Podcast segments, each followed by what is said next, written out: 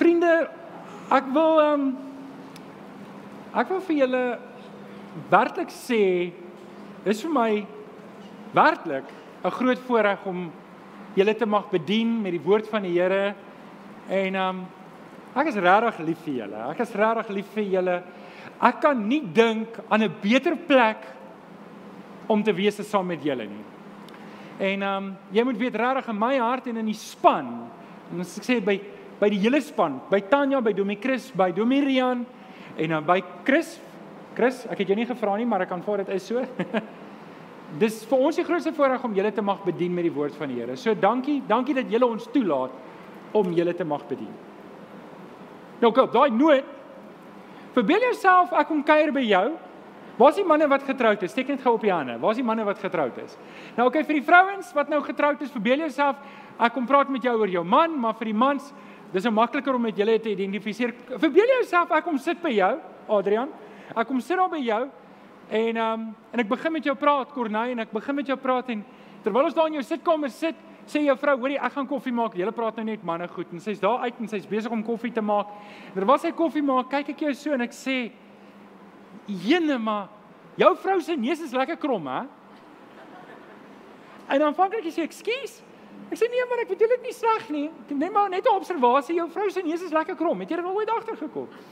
En nou weet jy nie, moet jy geafronteerd voel? Moet jy kwaad voel? En jy dink, nee, jy verstaan dit net dalk verkeerd. Maar toe ek die volgende sin sê, toe verfisie jouself bloediglik toe ek vir jou sê en jou en haar kniegknoppe. Weet jy, dit is so knopperig soos my oupa Tibou se knopkierie. Dit staan knoppe in die hele wêreld. En nou, nou nou weet jy nie of jy jouself moet verfies, maar jy hou jouself nog ordentlik, maar dit is ook die volgende sin sê wat jy my uit jou huis uit gooi toe sê, "Nou tonaals." Ek sou nie plakkies gedraai het as ek sulke tonaals. Dit lyk soos iets wat deur argeologiese opgrawings ontdek is. En op daai oomblik gooi jy my uit jou huis uit en sê, "Ek gaan vir my 'n ander kerk soek."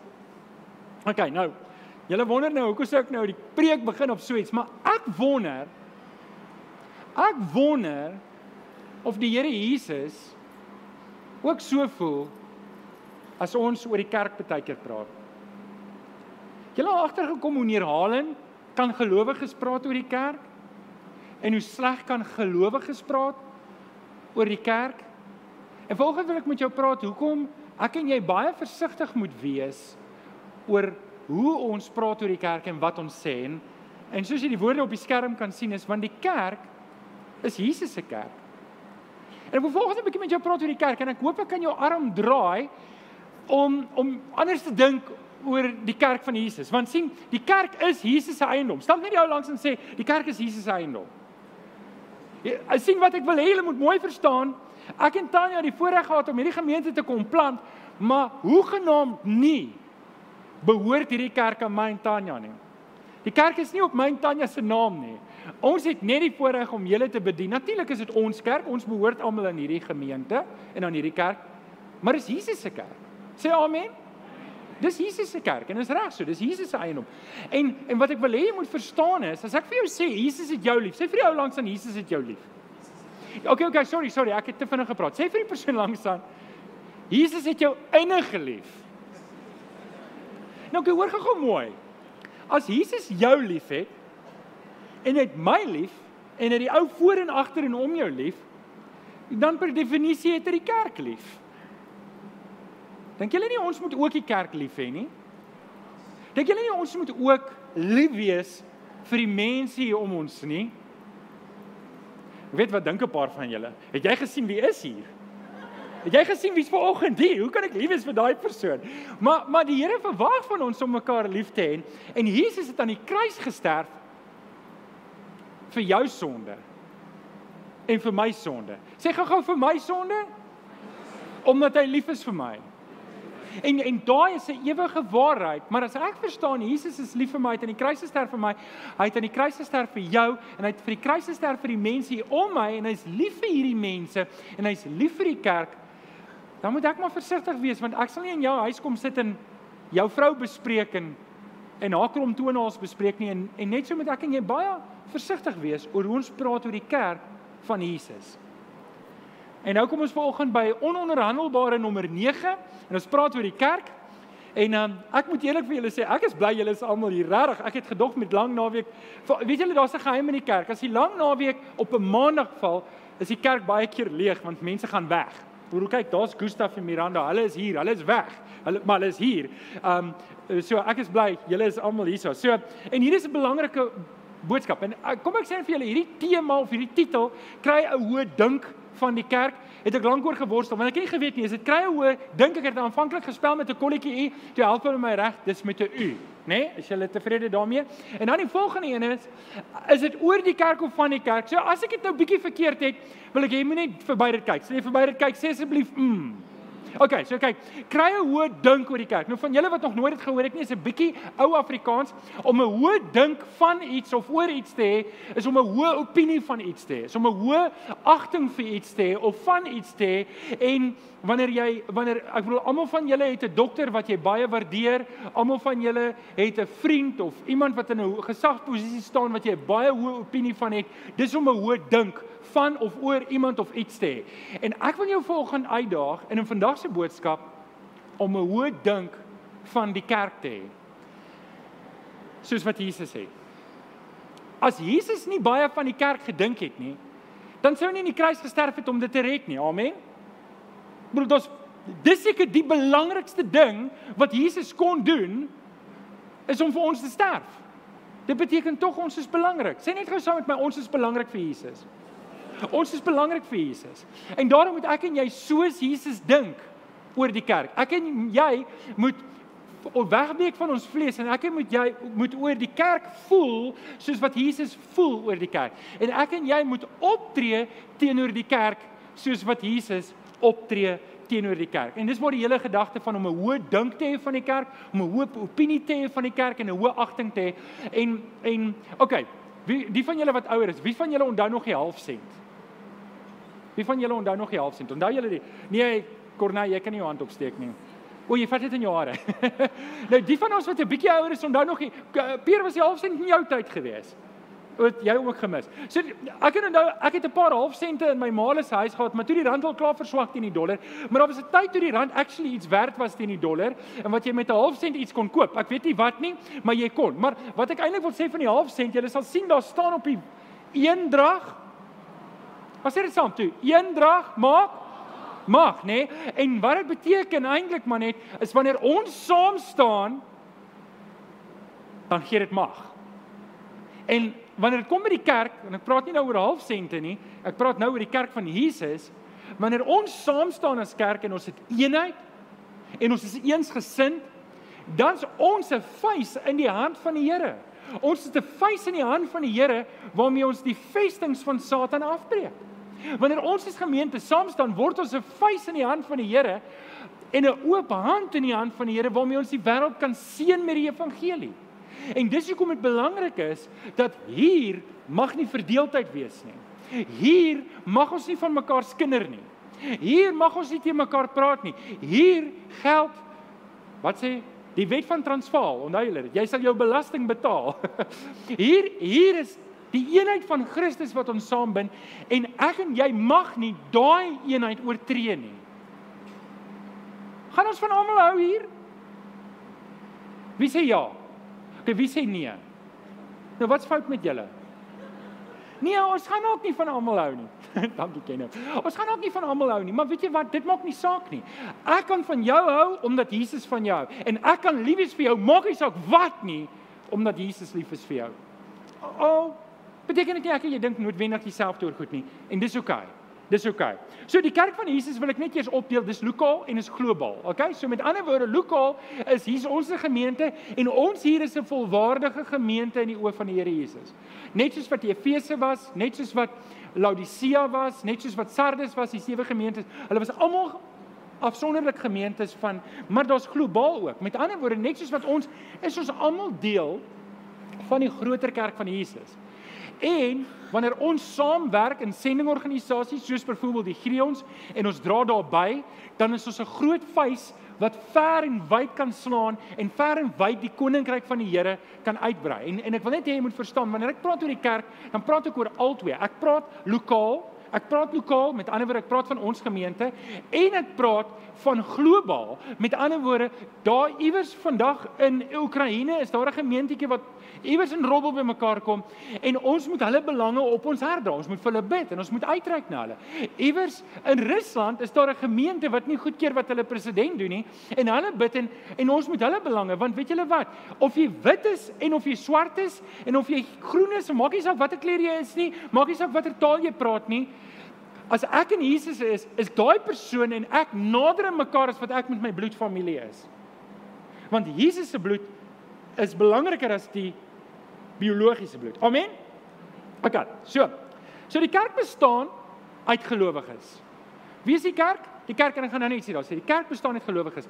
Almal wat ver oggend hier sit en sê ek het Jesus aangeneem as my verlosser en saligmaker. Ek het die kruisdood van die Here Jesus myne gemaak. Jy word op daai manier 'n kind van die Here deur wedergeboorte, deur tot bekering te kom. En die oomblik as dit gebeur, sit God se Heilige Gees in jou en hy gee vir jou 'n nuwe geestelike DNA. Hy maak jou sy kind.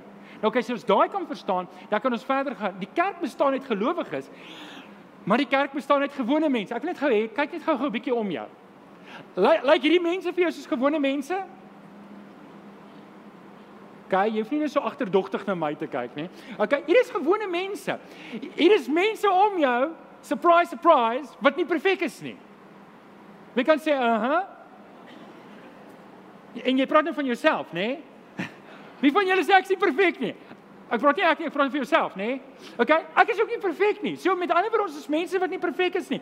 Ons is mense wat sukkel met allerlei dinge. Hier's mense van ons wat sukkel met met sekere goederes in jou lewe wat skeef geloop het. Hier's mense van ons wat sukkel en dit kan op verskillende areas wees. Hier's van ons mense wat sukkel. Jy sukkel met jou kinders in jou huis. Jy weet nie altyd wat om met hulle te doen nie. Hier's van ons wat sukkel. Ons sukkel in ons huwelike. Ons sukkel met ons finansies. Ons sukkel by die werk. Ons sukkel baie keer met gewoontes wat ons opvang en dan moet ons weer stoei daarmee. En ek dink as ek gaan vra, luister, wie van julle sukkel nog met 'n paar dinge in jou lewe? En ons gaan nie nou hande opsteek nie want julle weet ek gaan sê sies vir julle, maar julle weet ek bedoel dit in liefde. Is almal van ons sukkel met iets. Amen. Almal van ons. Partykeer sukkel ons met goed, en as ek net bang iemand vind uit waarmee ek sukkel. En as almal dit doen, dan sukkel ons almal maar op ons eie mishoopie, nê? Nee? En ons en ons hoop net niemand vind uit ek sukkel met iets nie. En julle so gaan ons nie groei nie. So gaan ons nie groei nie. Ek wil hê jy moet weet, as jy sukkel met iets, jy's in goeie geselskap. Hier's 'n klomp van ons. En ons gaan hande vat en ons gaan vorentoe beer in Jesus. Maar bewaar my en jou siel as wanneer ek kyk na iemand anders wat sukkel en ek sê foef foef foef kyk hoe sukkel daai ou. Weet Adrian, weet kyk ek sukkel maar Adrian, hy sukkel regtig. Nie nie regtig nie, Adrian. Adrian, jy gaan een van die dae nie meer voorsit nie. Nee. Okay. So maar, maar en hierdie is 'n groot maar. Sê gou maar. Jesus is lief vir ons net soos wat ons is. En ek en jy moet dit verstaan. Ek en jy moenie met 'n verwagting op 'n Sondagoggend hier kom en sê hierdie mense is perfek nie, want ons is nie perfek nie. Nie een van ons wat hier sit nie. En weet jy wat die feit uh, hulle sê daar's net drie tipes mense in die in die lewe.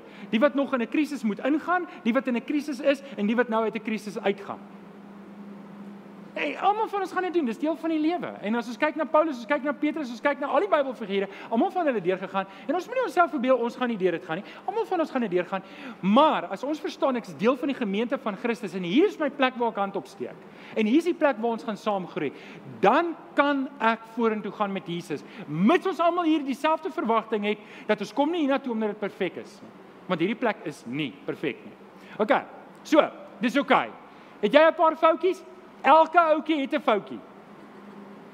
Dad jokes, nee. Sê net vir die ou langs aan, jy's okay. Jy's okay. Dis okay dat jy hier is. En weet jy wat? Dalk het jy 'n paar geheime.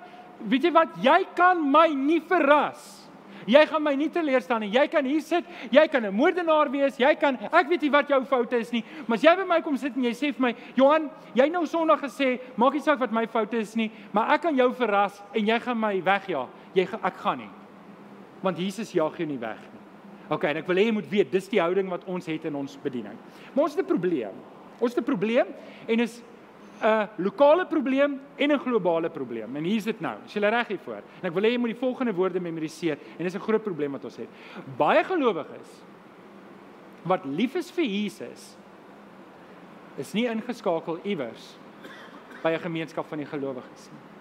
Daar's baie mense wat as te ware hulle is totaal anoniem. Nou hardloop ek my notas vooruit, want dis wat dit nou kom. So hier's 'n belangrike feit.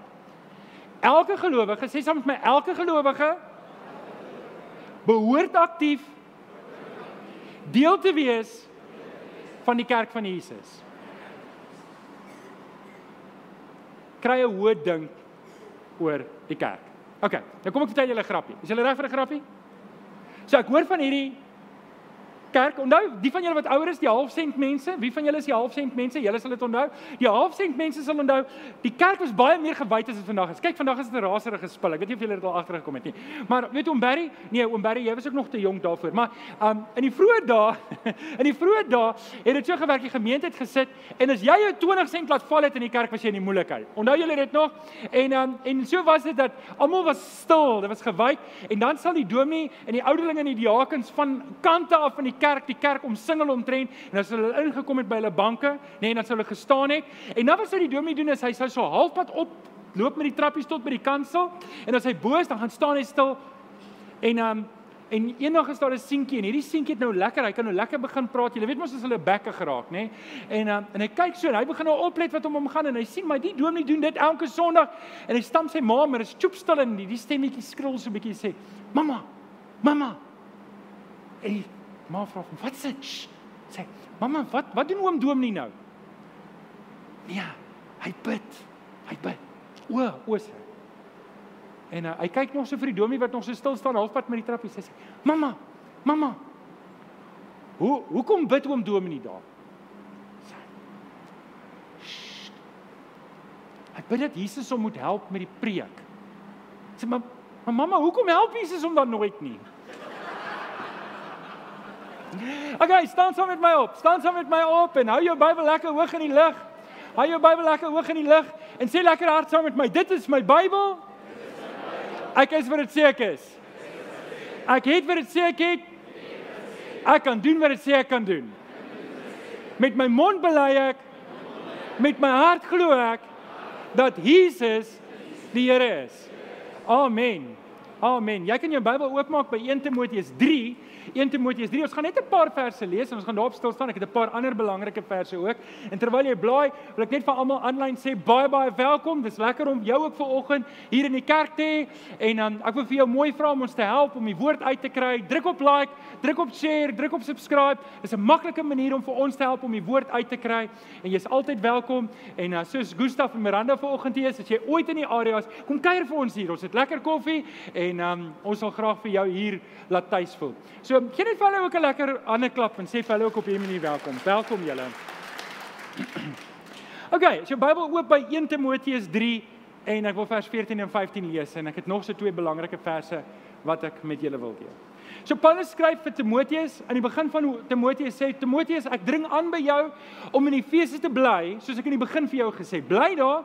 Um want die gemeente het nog nie 'n predikant nie. So Timoteus is die predikant daar. 'n Baie jong man. Ons weet nie presies hoe oud hy daar was nie, maar dit kan enigiets wees tussen 22 en 30 wat hy was op hierdie stadium en hy met die gemeente barmhartig. En Paulus gee hom 'n klomp opdragte. Onder andere was daar um was daar twee vrouens wat 'n bietjie konflik gehad het en hy moet help dat hulle bymekaar uitkom, gewone mense soos ons nê. En daar was ander mense wat 'n bietjie dwaalleringe gehad en hy moes hulle gaan aanspreek het en dan moes hy ouderlinge aangestel het en hy moes diakens aangestel het en al hierdie goed het afgespeel.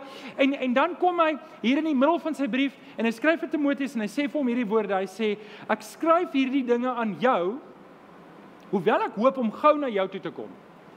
In geval my koms vertraag word, sal jy dus weet hoe iemand hom moet gedra in die huisgesin van God. Sê gou-gou huisgesin van God.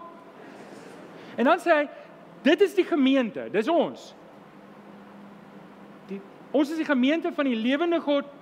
En dan sê hy belangrike woorde en hierdie is die woorde wat ek nou wil hê jy moet hoor. Die gemeente is die draer en beskermer van die Kom ons staan stil net op daai. Die gemeente, dis ons, nê, nee, ons is die gemeente, ons is Tygerberg Gesinskerk. Ons is 'n gemeente hier in Durbanville. Ons is een van 'n klomp gemeentes. Maar Tygerberg Gesinskerk is saam met ander gemeentes die draer en beskermer van die waarheid. Ek weet nie of julle saamstem nie, maar dis 'n redelike groot verantwoordelikheid. Stem julle saam? Dit dis dis eintlik 'n fenominale verantwoordelikheid, 'n taak wat ek en jy nie kan lig opneem nie. Dis hoekom ons 'n reeks doen soos hierdie die ononderhandelbares en kom ek sê vir julle, dis nie verskriklik lekker om dit te preek nie, want ons raak moeilike goed aan. Het julle agterkom die afgelope kwartaal het ons moeilike onderwerpe aangeraak. Ek bedoel omtrent na elke boodskap het ek iemand wat ek na my toe kom en sê, "Hier Johan, jy soek maar lekker moeilikheid." Maar dis nie dis nie hoekom ek dit doen nie. Ek is nie iemand wat hou van pak slaan nie. Ek is nie iemand wat van hou om kritiek te kry. Ek moet vir julle sê, ek is maar hier binne in my hart is daar 'n klein Johantjie wat maklik huil en sy kritiek kry dan Here help my asseblief ek kry so swaar onder hierdie mense. Maar julle is nice mense. Ek moet sê julle is regtig nice en dan um, julle gee my nie so hard pak slaan soos wat ek baie keer kan kry nie. So dankie dat julle so sag op my as ek waardeer julle.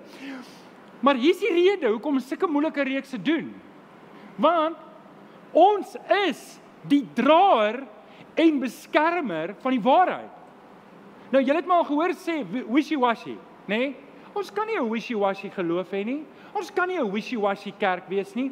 Weet jy, ons moet 'n bietjie opstaan en vir mekaar sê, hoor, hierdie is die goed waarop ons staan. Hier's waar ons glo, want anders word mense afgerokkel. En vandag se boodskap gaan eintlik baie daaroor om vir julle te sê hoe baie mense van die geloof afval omdat hulle in 'n gemeenskap van gelowiges is wat eintlik 'n wishy-washy geloof het en wat nie saak maak nie. So, kry 'n hoë dink oor die kerk. Ons het dit ek wil vanoggend met jou praat oor vier Griekse woorde. En ehm um, hierdie vier Griekse woorde is pertinente woorde wat oor en oor en oor vir die kerk gebruik word wat vir ons ietsie gee van wat die kerk se doel is. Is jy reg daarvoor? Gaan jy skryf? Is jy wakker? Diep asem. Ek sien daarom niemand waai nie. Um so dit beteken julle kry hom nie warm nie. So julle is wakker en switched on, hè. OK, die eerste Griekse woord, hier gaan hy. Is julle reg vir hom? Is die Griekse woord ekklesia. Sê gou ekklesia. Ekklesia. Dis die Griekse woord wat um sê ons is die kerk. Die kerk. Die kerk. Nou uh Jesus praat van die kerk en hoorie, ek wil net hê almal se aandag, moenie nou neerskryf nie. Almal se aandag op hierdie vers. Ek wil hê julle moet hoor wat sê hierdie vers. Hierdie was Ek het ek moet vir julle eerlik wees, ek het hierdie vers al oor en oor en oor oor baie jare gelees, maar gisteraand toe ek my preek weer deurgaan, toe is dit asof ek sien wat hier staan en dan gaan ek vir julle wys. So Jesus praat met Petrus, Jesus vra vir hulle, wie sê die mense is ek? En die mense sê party sê is Elia, party sê is Johannes die Doper, party sê dit, party en Jesus Jesus vra vir hulle, en julle wie sê julle is ek? En en en Petrus sê, Here, U is die seun van U is die seun van God, U is die Messias. En Jesus sê vir hom, dit wat jy nou sê, het jy nie geweet nie. God het dit aan jou geopenbaar. En nou sê hy, jy is Petrus. Nou Petrus in die Grieks is Petros of Petra wat 'n rots is, dis 'n klip. En dan herhaal hy die woord en op hierdie rots, op hierdie klip, op hierdie Petros sal ek my kerk bou. Nou kyk gou hierso. Jesus sê vir Petrus, Petrus, jy gaan die leier wees van die vroeë kerk. Hy was ook die predikant in Jeri in Jerusalem in die begin. En later het hy ook rondgegaan en hy sê Petrus, jy kry die verantwoordelikheid om die eerste kerk te plant nou, nê? En dan sê hy so op jou getuienis op wie jy gaan ek gaan ek gaan deur jou die kerk bou en dis die groter kerk en hy sê en die magte van die doderyk sal dit nie oorweldig nie. Laat dit vir 'n oomblik insink. Wat Jesus hier sê is, hy doen 'n paar goed. Hy aanvaar verantwoordelikheid vir die kerk, maar hy sê 'n belangrike ding, wie se kerk is hierdie? Kyk na die vers. Wie se kerk is dit? Dis Jesus se kerk. Hy sê ek gaan my kerk bou En Satan sal dit nie kan oorweldig nie. Ek gaan iets doen en kan julle kyk ons is in die jaar 2022. Dis amper presies 1000 jaar nadat Jesus gekruisig is en die kerk het so versprei dat dit van 12 manne die grootste amptelike godsdiens in die wêreld is. Die magte van die duisternis sal dit nie kan onderkry nie. Is dit nie wonderlik nie wat Jesus sê staan? Wat Jesus sê staan. So oké, okay, Ekklesia, net sommer vir 'n bietjie agtergrond. As jy in jou Bybel kyk in jou Afrikaanse Bybel en jy lees die woord kerk en jy lees die woord gemeente, is dit dieselfde woord in Grieks Ekklesia. So Ekklesia is die Griekse woord wat konstant gebruik word vir kerk en vir gemeente. Net dat jy weet as jy dit in jou Bybel lees, dat jy nou nie die mekaar raak met kerk en gemeente nie, maar hier's die ding wat dit nie is nie. Die woord kerk verwys nêrens na gebou in die Bybel. Nêrens nie. Dis nie 'n gebou nie. En ek dink ons het tradisioneel groot geword, weet, as jou kerk 'n gebou het, nê, nee, dan's dit die kerk. Ons is die mense, maar dis die kerk. Maar hierdie is nie 'n kerk nie. Wie van julle het al agtergekom hierdie is nie 'n kerk nie? Wie van julle weet wat was hierdie? Dit was 'n liggaamlike gim. Nou is dit 'n geestelike gim. Profeties, sien julle? Okay, nou is die ding. So wat ek en jy moet verstaan is wanneer ons verby 'n kerkgebou ry, is dit mooi, dis 'n kerkgebou, maar daar's niks heilig aan daai bakstene nie. Dis net bakstene. Daar's niks heilig aan daai sement nie, daai kerkbanke. Ek dink ons is baie gekondisioneer dat ons in 'n gebou instap. Hoe, hierdie is gewy. Hierdie is heilig. Maar dis meer ons groot gemaak as wat die werklikheid is. Want weet jy wat's heiliger is dit? As twee gelowiges saamkom en hulle bid saam en hulle vra vir die Here vir seën. Dis heiliger as enige kerkgebou op hierdie aarde. Nou kan. Die vraag is wat is die kerk? En dis die verkeerde vraag. Die vraag is nie eintlik wat is die kerk nie. Die vraag is Ah, ek hou daarvan die koor sing. Ek hou daarvan. Wie is die kerk? Wie is die kerk? En ek het reeds vir julle gesê, maar die kerk van Jesus is almal wat Jesus aangeneem het is almal wat Jesus Christus aangeneem het en totsiens gesê het vir sy ou lewe. Nou as jy volgende hier sit en ek vra nie of jy nog sukkel met dinge en of dinge alles reg is in jou lewe nie. Volgende vra ek die vraag is het jy Jesus aangeneem en streef jy om meer en meer vir die Here Jesus te leef? Dan's jy deel van die kerk. Ek wil die ding ook omdraai om te sê kerkbywoning maak jou nie kind van die Here nie. En dis belangrik om te weet. Weet jy daar's baie mense wat jare en jare kerk toe gegaan het Hulle woon elke ding daar, elke Bybelstudie, elke oggenddiens, elke aanddiens en hulle selfs betrokke in die kerk. Maar ek wil dit duidelik maak vanoggend, die feit dat jy betrokke is in die kerk, die feit dat jy um kerk toe gaan, maak nie saak hoeveel keer jy dit maak jou nie 'n kind van die Here nie. Ek wil nie hê jy moet daai valse sekerheid beleef in jou lewe dat jy 'n kind van die Here is net deur omdat jy kerk toe kom nie. Jy word net 'n kind van die Here deur om die Here Jesus aan te neem as jou verlosser en saligmaker. OK. So, die eklesia is almal wat aan Jesus behoort. Het julle daai? Is dit duidelik? So en die eklesia is Jesus se eiendom. Ek dink dis duidelik, nee, julle stem saam. Hierdie is eintlik ou goed wat ons al oor gepraat het. Ons sê dit net vir oggend weer vir die rekord. Nou, so die kerk behoort aan Jesus. In Efesiërs 5 sê ons die hoof van die kerk is Jesus, die hoof van hierdie gemeente is Jesus. En as julle ooit iets sien wat nie gedoen word volgens die skrif nie, dan moet jy my uitdaag, want Ek staan verantwoordelik teenoor die Here Jesus. Natuurlik eers teenoor die ouderlinge, oom Willem, jy moet my maar dop hou oom Willem. En Domie Chris, waar's Domie Chris? Ek wil net kyk, waar's Domie Chris? Domie Chris, jy moet my maar dop hou, maar ons het raad en ons probeer dit bestuur volgens die woord van die Here, volgens geen ander maatstaf nie. OK, dit was nommer 1. So dit was eklesia. Sê gou weer eklesia. Alraai, hier kom die volgende woord. Oikos. Sê gou oikos. Oikos. Oikos. Kyk, Grieks is baie ryker as Afrikaans. So hulle kan een woord wat drie betekenisse hê, maar oikos se direkte betekenis is huis, maar hier word dit ook die huisgesin. So ons is die huisgesin van God. Ons is die huisgesin. So hierdie is 'n huisgesin. Nou, dis belangrik om dit te weet. Efesiërs 4 vers 19 sê Paulus, julle is nie meer ver van God nie, julle is nie meer bywoners nie, maar julle is medeburgers van die gelowiges en julle is lede van die huisgesin van God. So ons is die huisgesin van God. So dit beteken ons is boeties en sissies. En die van julle wat al kunskap gedoen het, wie van julle het al kunskap gedoen? Ek wil net kyk, die boekie kunskap deurgewerk. Okay, is 'n paar van julle wat al deurgewerk het. En julle sal onthou in kunskap se boekie het ons gepraat, daar's babetjies, die nepios. Nepios is pasgebore babies. Dis waar ons die Afrika die Engelse woord nappy vandaan kry. Want 'n nappy is iets wat jy vir 'n babatjie aantrek. 'n Nappios, dis 'n babatjie wat niks vir homself kan doen nie, 'n sygeling. Dan kry ons die teknon, dis die Griekse woord vir 'n kind. Dis dis 'n Peter tot wat hy nou groot genoeg is om nou bietjie met 'n fiets gestuur te word skool toe wat ook al. En dan kry ons Hios. Hios is 'n seun wat selfs 'n volwassene is wat vir die pa werk en in sy besigheid of op sy plaas werk. Nou oké, okay, hoekom sê ek julle al hierdie goeders want in die huisgesin van God en hierdie is wat ek vanoggend wil hê jy moet hoor, het ons ons het Neppios vanoggend hierso. Ons het mense wat jong gelowiges is en hulle weet nog nie om hulle self te help nie. En dan het ons ons het die teknon. Die teknon is die kinders wat rondhardloop, hulle stamp almal om want hulle het soveel ywer, hulle het soveel opgewondenheid, maar hulle weet nie wat om met alles te doen nie, nê? En dis dit gaan nie oor aardse ouderdom nie, dit gaan oor geestelike ouderdom. En dit kan iemand wees wat 60 is, maar hy's nog steeds 'n teknon want hy het nou onlangs eers die Here aangeneem. En dit is wonderlik om daai mense te sien want hulle passie is so, maar hulle is 'n bietjie soos 'n boel in 'n china shop. Ken jy sulke Christene? Wel hulle is all over the place. Hulle breek om drie plek af, maar hulle het soveel ywer vir Jesus. En dan kry jy die Hios. Dis dis die dis die manne en vroue wat voortrek en vasvat en hulle trek die gewig. Maar Paulus praat ook van homself as die pater van Timoteus en ons het die geestelike pasie. Kan julle sien hoe ons 'n geestelike gesin is? Kan julle dit insien? Sê net, mm, ek wil net weet of julle nog wakker is. So ons is die oikos en en so so die huise sin is 'n plek waar ek behoort. Hier is my plek. As jy by jou huis ingaan, het jy 'n bedjie en is jou kussing en is jou matras en is jou duvetjie en is jou pop. Okay, ek weet julle het nie meer. My vrou het nou nog goed op die bed. Poppe en avontuurtjies en allerlei goeie. So dit jy raak nie groot vir dit nie. Ek speel ook baie keer met die goed.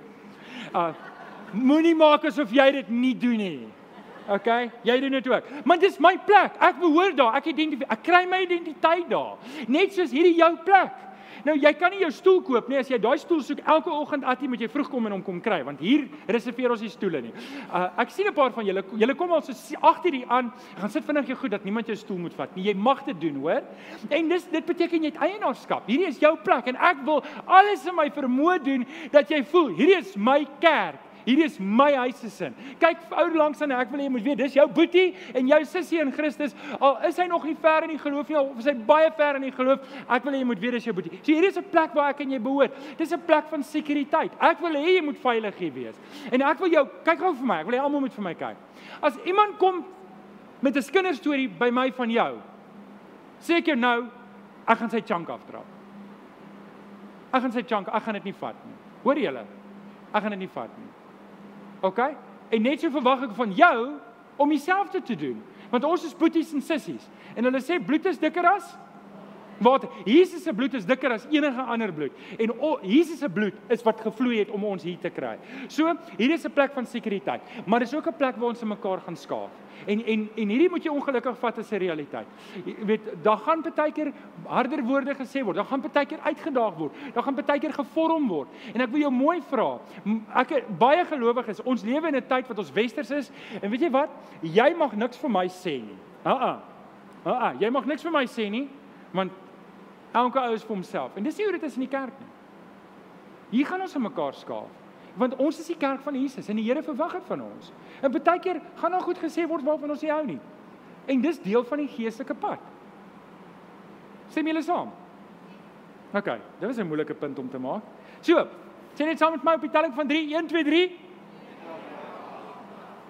OK, wil almal dit net saam sê asseblief. OK, 1 2 3, 1 En dis waar in die kerk wanneer ons saam staan, al verskil ons 'n bietjie en al al skaaf ons baie keer 'n bietjie mekaar en sê, weet jy wat, dit maak nie saak nie. Ons kan ons verskille agter ons sit, want dit gaan oor verlore siele, dit gaan oor die kerk van Jesus, dit gaan oor die kruisiging van die Here Jesus, dit gaan oor die boodskap wat ons het. En my probleempie wat ek mag hê is te klein vir my om ewigheidsimpak te hê en die evangelie te probeer terughou. Hierdie is wat belangrik is. Eendrag maak mag. Okay, dit was oikos.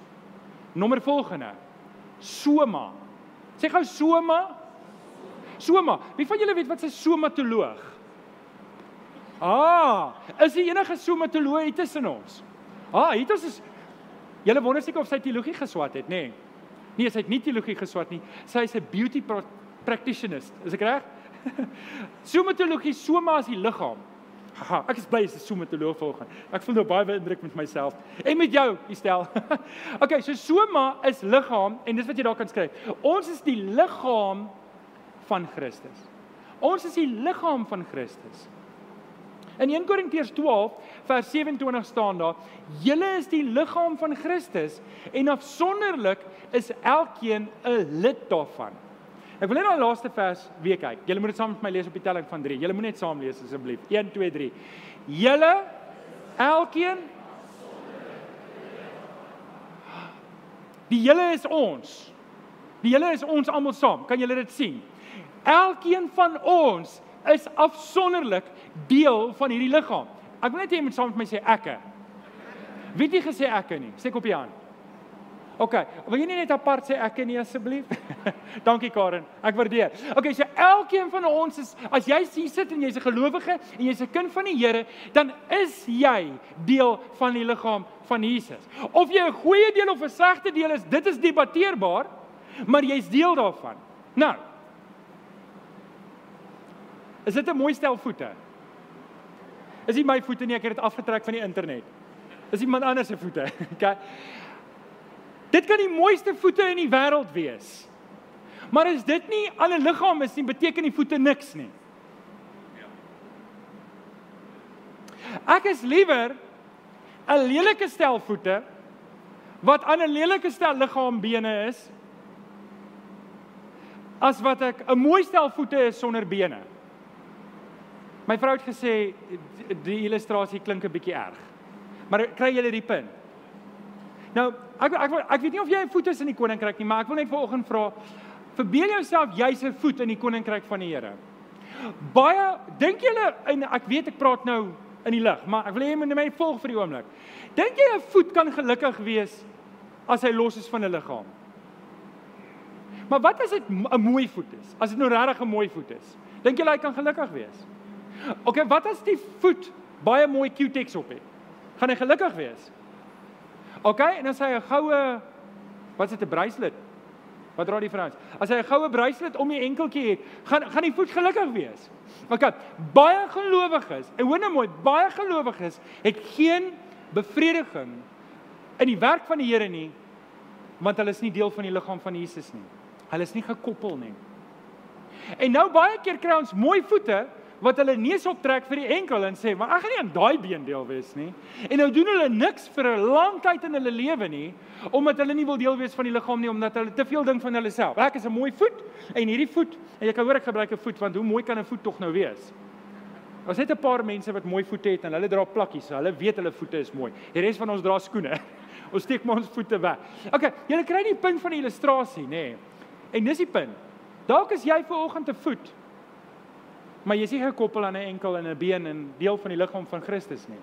Dan gaan jy nie bevredig wees nie. Jy gaan swaar kry. Jy gaan altyd voel iets is mis in jou lewe want jy jy doen nie waarvoor God jou geroep het om te doen nie. En dis die hele ding van die Lone Ranger Christene. Jy kry nie iets soos 'n Lone Ranger Christen nie. 'n Lone Ranger Christen is maar net 'n voet wat sonder 'n been is. Dis of 'n hand wat sonder 'n arm is of 'n of 'n neus wat 'n oor wat sonder 'n liggaam is. Verstaan julle wat ek probeer sê? Jy kry nie so iets nie. En dis nog 'n probleem van ons tyd. Is iets wat ons noem anonieme kristendom. Anonieme kristendom. Mense wat regtig, hulle is regtig kinders van die Here, hulle is regtig gelowiges, maar hulle is in die skare wees. Hulle doen niks nie, hulle is nie betrokke nie. Hulle kry die woord van die Here waar hulle dit wil kry, maar hulle doen niks in die koninkryk van die Here nie. En en dit doen skade, want jy is deel van die liggaam, Jy's net nie 'n goeie deel van die liggaam nie. En ek wil jou vra om deel te word.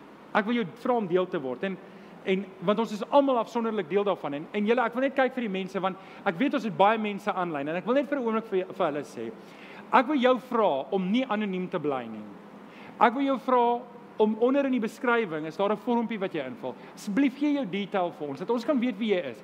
Dalk as jy ingeskakel by 'n ander gemeente dan is dit oukei. Okay. As jy nie ingeskakel is by 'n ander gemeente nie, dan is jy deel van hierdie gemeente. En ek wil hê jy moet daai vormpie invul dat ons kan weet wie jy is, dat ons jou beter kan bedien, want ons wil nie hê jy moet 'n voet wees wat sonder 'n liggaam is nie. Stem julle saam met dit?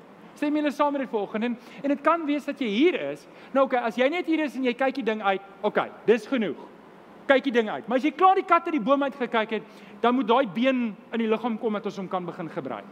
Wie van julle het al op jou been gelê en dan sy dood? Wie van julle se been was al so dood dat jy of jou arm dat jy dat jy die vingers nie kan beweeg nie? Wie van julle het dit gedoen? Ek het een ek die eerste keer hier my oor kom toe nog ek ek gaan nou doodgaan want ek gaan my uh, toe besef ek moenie so erg op my arm lê nie. En en ek wil hê jy moet weet as jy in die liggaam van Christus is, maar jy doen niks nie, dan is jy presies daai hand. Jy's dood. Jy's aangeheg, maar jy beteken niks nie. En en ek wil jou uitdaag. Ek wil jou uitdaag om baie mooi te dink oor waar die Here jou wil gebruik in die koninkryk en in die liggaam. Nou, julle ons het mense van Windhoek maar nog nie van Wimbledon nie. Ja, ek moes hard werk aan daai om iets te kry wat met Windhoek saamgaan. Maar hier's vanoggend iemand wat ingeskakel het van Windhoek. En um, ek wil net hê julle moet weet dat Ons het begin kyk na ons gemeente. Ons gaan in die volgende 6 maande is ons besig om 'n groot ding te werk. Die naam is 21 tree. Baie van julle het al gehoor van stepping stones en dis die manier hoe ons julle gaan inskakel en betrek om te help om jou plek te ontdek in die koninkryk. En weet julle wat's wonderlik? Besef julle ons het nou elke Sondag meer mense aanlyn as wat ons hier het. Besef julle dit? So, ek weet nie wat ons daarmee gaan doen nie, maar nog elke week ek het nou gekyk, ek het aanvanklik gedog as COVID verbygaan gaan dit minder raak, maar lyk my ons 'n klomp mense, mense wat regoor um Suid-Afrika reg oor die wêreld is wat inskakel en en so ons is nie meer 'n lokale gemeente nie. Ons is ook nou 'n globale gemeente. Maar dit is wonderlik om dit te dink. Dink julle nie dis wonderlik nie? En ja, prys die Here, gee lekker aan die klop. Dis vir die Here. Die Here is goed en ons sê vir die Here dankie dat ons julle kan bedien. Dankie daarvoor, hoor. Okay, so dis Soma. Sê gou weer Soma. Ek wil hierdie punt net duidelik maak as elke spiertjie en niertjie werk op sy beste as hy gekoppel is. Elke spiertjie en niertjie werk op sy beste wanneer hy gekoppel is. Jy gaan die beste satisfaksie en bevrediging in die koninkryk hê as jy aanmeld en sê hier is ek, ek wil vir die Here werk. Nou dit is so, jy sit hier en sê maar Johan, ek weet nie of ek 'n spiertjie of 'n niertjie is nie. Weet jy wat moet jy doen? Jy moet net begin. Kom staan nie in die voorportaal en spuit die mense met alkohol. Wat het geword van die kerk?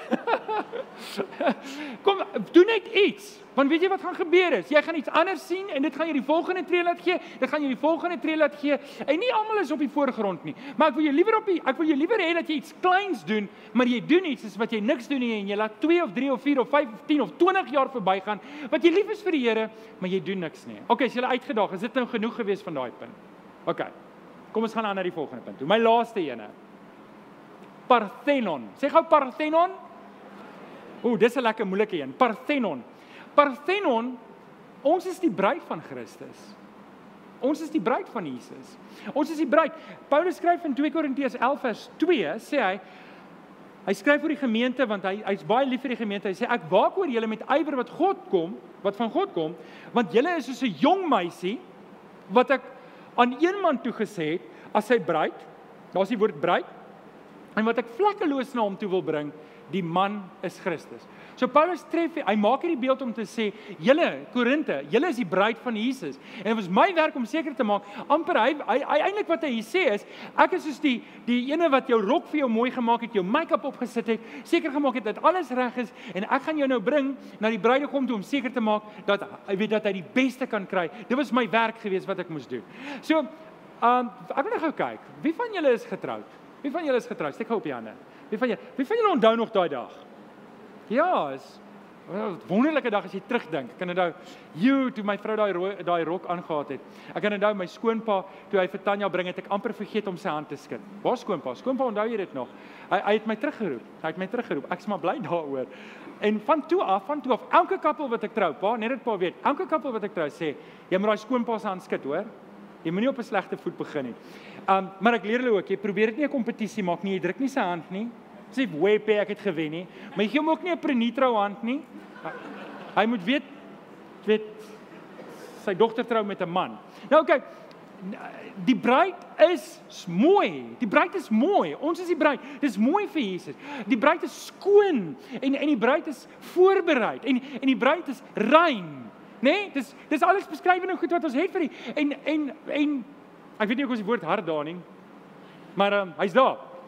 Maar Paulus praat hier met die gemeente in Korinte. En wat weet julle van die gemeente in Korinte? Weet julle enigiets van die gemeente in Korinte? Kom ek vertel vir julle een woord beskryf die gemeente. Vrot. Vrot. Weet julle wanneer wanneer jy wanneer jy 1 Korinte wanneer jy die hele boek van 1 Korintiërs lees, Dan lees jy, hierdie was 'n vrot gemeente. Ek bedoel, hoorie, die morele vlak van daai gemeente was down the drain. Seker goed dat Paulus vir hulle 'n brief skryf en ek kan nie al die goed noem wat in daai gemeente skeef was nie, want julle gaan vir my sê, "Johan, jy moet sê, hierdie ouderdomsbeperking is 18 op hierdie boodskap want my kinders was in die kerk. Jy laat my jy jy laat my in die steek hier." So ek gaan nie alles sê nie, maar hy skryf so, hy sê vir hulle, "Die goed wat julle aanvang in julle kerk, kry die heidene oorskaam." Hulle kyk na julle en sê, "Wat?" En en dis die gemeente nou okay, intussen het hulle bekeer 2 Korintiërs is daarom 'n bietjie beter af. Maar ek wil net vir julle sê dat dat hierdie gemeente was ver van perfek af en nog steeds is Jesus lief vir hulle. En en vanoggend wil ek ek wil jou huis stuur met hierdie ding. Terwyl ek en jy saam die gemeente die bruid van Jesus is, is daar geen illusie by my dat almal van ons perfek is nie. En as jy nog op pad is met Jesus, wil ek hê jy moet weet hierdie is jou kerk.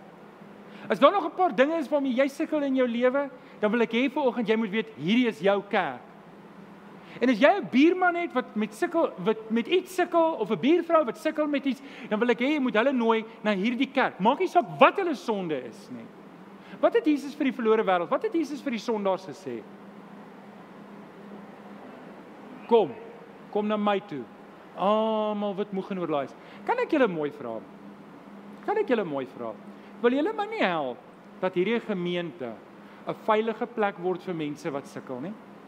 Sal julle my help? Maar, maar dit behels dat jy nie moet groot oog kyk vir die mense wat hier aankom nie. Moet kyk wat het die kat nou hier ingesleep nie. Jy moet jy moet regtig met Jesus se hart wanneer wanneer jy in die oggend hier inkom, moet jy met 'n biddende gees hier inkom en sê Here, wie stuur U vandag vir ons om te bedien? En wanneer iemand hier inkom, maak nie saak of hy wat sy sonde is of waarmee hy sukkel of wat verkeerd is of wat se storie hy mee sukkel nie. As hy hier inkom sê, Here, U het vandag hierdie mens gestuur en ek gaan vir hierdie mense lief wees. Sal julle my help? As jy my sal help, sê ja. Gaan julle my help daarmee? Daar gaan nie geoordeel word in hierdie kerk nie. Amen. Hierdie kerk gaan nie 'n oordeelkerk wees nie. Hierdie kerk gaan nie 'n kerk wees wat ons mense wegjaag en verwilder nie. Hierdie kerk gaan 'n kerk wees wat ons vir mense sê kom. Dit beteken nie ons gaan niemand uitdaag nie. Ons gaan mense uitdaag, baie beslis. Ek sien ons lok hulle hiernatoe en as hulle hier is dan daag ons hulle uit. Want ons wil heilig wees in Jesus en ek ek ek bedoel hierdie hierdie ding gaan nie oor dat ons nie te weet ons sonde vier nie. Ons gaan nie sonde vier nie, maar Hebreërs 12 vers 14 sê dit baie mooi, beywer julle vir 'n heilige lewe waarsonder niemand die Here sal sien nie. So met ander woorde wanneer iemand hier inkom en hy's gebroken, dan wil ons sy hand vat en hom met hom die pad stap. En as ek en jy hier is, dan beteken dit ons gaan maar, hoor jy as jy 'n sukkelaar, wel, sukkel maar net aan. Ons het vir jou 'n boek skryf 21 maniere om lekker te sukkel. Dis nie hoe dit gaan wees nie. Ons gaan mekaar help om heilig te lewe. Want die Here roep ons tot 'n heilige lewe. Sê gou-gou saam met my die Here roep my tot 'n heilige lewe. Sê dit saam met my 1 2 3. Die Here roep my tot 'n En dit behels alles wat in die woord van die Here staan is op van toepassing op my. Eerste. Ek gaan maak nie goed op ander mense van toepassing nie. Ek maak dit op my van toepassing. Nou dit gesê. Hoe moet ek reageer op volgens se boodskap? Ons het nou lekker gepraat oor die kerk en ek hoop ek het jou 'n bietjie insig gegee oor wat die kerk moet wees. Maar eerste plek waar ek moet begin is ek moet ek moet Jesus Christus aanvaar as my verlosser. En as jy dit nog nie gedoen het nie, dan wil ek hê jy moet op jou kaartjie skryf: "Johan, ek is nie 'n gelowige nie. Ek is 'n kind van die Here nie. Ek besoek hier en ek verkom hier na toe of wat ook al die rede is wat jy hier is, dan moet jy vir my sê, Johan, ek wil Jesus aanneem." Maar dalk sit jy hier en jy het reeds Jesus aangeneem. Dan wil ek hê jy moet die volgende tree neem en aanvaar jy is reeds deel van die liggaam van Jesus. Ek wil vir jou 'n paar stappies gee om hierdie kerk jou kerk te maak. Want weet jy wat die realiteit is? Jy kan elke Sondag hiernatoe kom, maar jy kan voel ek's 'n buitestander. Jy kan voel maar hier is nie werklik my kerk nie. Ek wil vir jou 5 stappe gee hoe hierdie kerk jou kerk kan word. Stel reg daarvoor. Gaan julle oplet. Kom gereeld. Kom gereeld. Weet as as ek net een keer 'n maand by my ouer huis opdaag en dan hulle die mure geverf, dan pa 'n nuwe kar gekoop. Dan's maar weg, weet dan sal hy weg met vakansie. Dan gaan ek voel ek's uitgesluit. En as ek net een keer 'n maand kerk toe, hiernatoe kom na die gemeenskap van die gelowiges toe, dan gaan ek ook uitvoel. Ek gaan ook voel ek's nooit deel nie. En baie mense kom baie min kerk toe en dis hoekom hulle uitgesluit voel. En en daai ding moet ons op so stap 1 kom gereeld. Kom gereeld. Elke keer as jy kan, moenie verskoning maak volgende wil ek 'n bietjie laat slaap nie. Kom. En vir julle wat aanlyn is, skakel elke Sondag in. Skakel elke Sondag in. Stap nommer 2. Kom 10 minute vroeër. Kom 10 minute vroeër. Kom drink 'n koppie koffie, kom kuier 'n bietjie en bly 10 minute na die tyd. Moenie hier uitstorm. Ag, die domie is klaar. Nou kan ek hardloop hier uit. As die laaste liek, nee, ek bly 'n bietjie, bly 'n bietjie. Ontmoet nuwe mense. Maak hierdie mense jou vriende. Natuurlik wil ek ook hê jy moet ontdek 101 doen. En dis eintlik jou eerste groot stap om deel te word van hierdie gemeenskap van gelowiges. En ek weet dis 'n klomp van julle wat nog nie 101 gedoen het nie. Doen 101. Skryf op jou kaartjie. Johan, ek wil 101 doen. Ek wil die volgende stap neem. En dan word betrokke. Meld aan. Ons het seker kaartjies daar op die info tafel tannie Sandra. Is hulle op tannie se tafel? Ons moet hulle daar kry. Seker kaartjies wat sê ek wil betrokke raak. En weet jy wat? Alkom spyt jy net die mense in die oggend hier. Waar's Johan voor hier? Johan, Anneke, dankie. Hulle het vanoggend vir die eerste keer mense gespyt.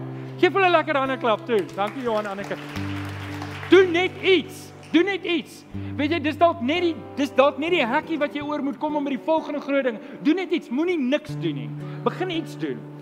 En dan stap 5. Skakel by klein groepe. Of dit hier is op 'n Woensdag aand of dit by jou selgroep is, maar skakel iewers in sodat jy 'n gemeenskap het wat jou kan kan verantwoordelik hou om te groei. OK, dis dis vir oggend se boodskap. Ek gaan jou nou hier los. Nou kan jy gaan lank naweek hê, maar ek hoop jy's uitgedaag om die volgende tree te neem ook in die gemeente wees. Hoor gou mooi. Ek het jou nodig. Ek het jou nodig. Sê maar Johan, wat bedoel jy daarmee? Ek het jou nodig want jy het gawes en talente wat uniek is, uniek is aan jou. En as jy niks doen nie, lê ons almal daaronder. Ek het nodig dat jy moet aanmeld en sê Johan, ek moet ontwikkel word. Ek wil in die koninkryk betrokke raak. Julle ek vra nie vir my nie. Ek vra vir die mense wat gered moet word wat ongelowig is. En weet jy wat? Jy kan 'n klein deeltjie doen. Jou vriendelike gesig in die voorportaal maak dat een ou wat hier inkom sê, "Jene, maar julle is so vriendelik, ek gaan weer kom." Net dit, net dit. En ons weet nie daai ou so seer, hy's so verlore en hy kom hier en hy hoor die boodskap en die Here red hom. Net deurdat jy voor in die voorportaal was om vriendelik te wees. En ek kan nou elke bedieningsarea, maak nie saak wat jou bedieningsarea is nie. Net deur 'n klein dingetjie doen het 'n groot rimpel effek in die koninkryk. Ek wil vir jou vra, moenie dink jy kan nie 'n verskil maak nie. Raak betrokke. Kom ons bid saam. Vader, ons is uitgedaag en Here ons weet dat hierdie wêreld is so stikkend en en Here U roep ons om 'n verskil te maak. En en Vader soos die gemeente in Korinthe weet ek ek weet ons gemeente is nie perfek nie want ek weet ek is nie perfek nie Maar Here, dit maak nie saak nie. Dis oukei. Okay. U u u wag nie tot ons perfek is om ons te gebruik nie. U gebruik ons terwyl ons baie keer stikkend skrom en skeef is, maar u gebruik ons en u wil hierdie wêreld omdraai en omkeer. Maar Here, die grootste gevaar wat daar kan wees is wanneer ek op my stoel sit en niks doen nie of ek is anoniem. En kom help ons, Here, kom oortuig ons deur die Heilige Gees om nie anonieme, onbetrokke gelowiges te wees nie, maar dat ek my hand gaan opsteek en sê, "Man, as ek net een goue muntstuk gebruik, dan gaan ek dit gebruik in die koninkryk." Ag Here, kom maak dit wakker in ons gees. Kom maak dit wakker dat ons nie sal stil sit nie. Ons kom bid dit in Jesus naam en die kinders van die Here sê Amen.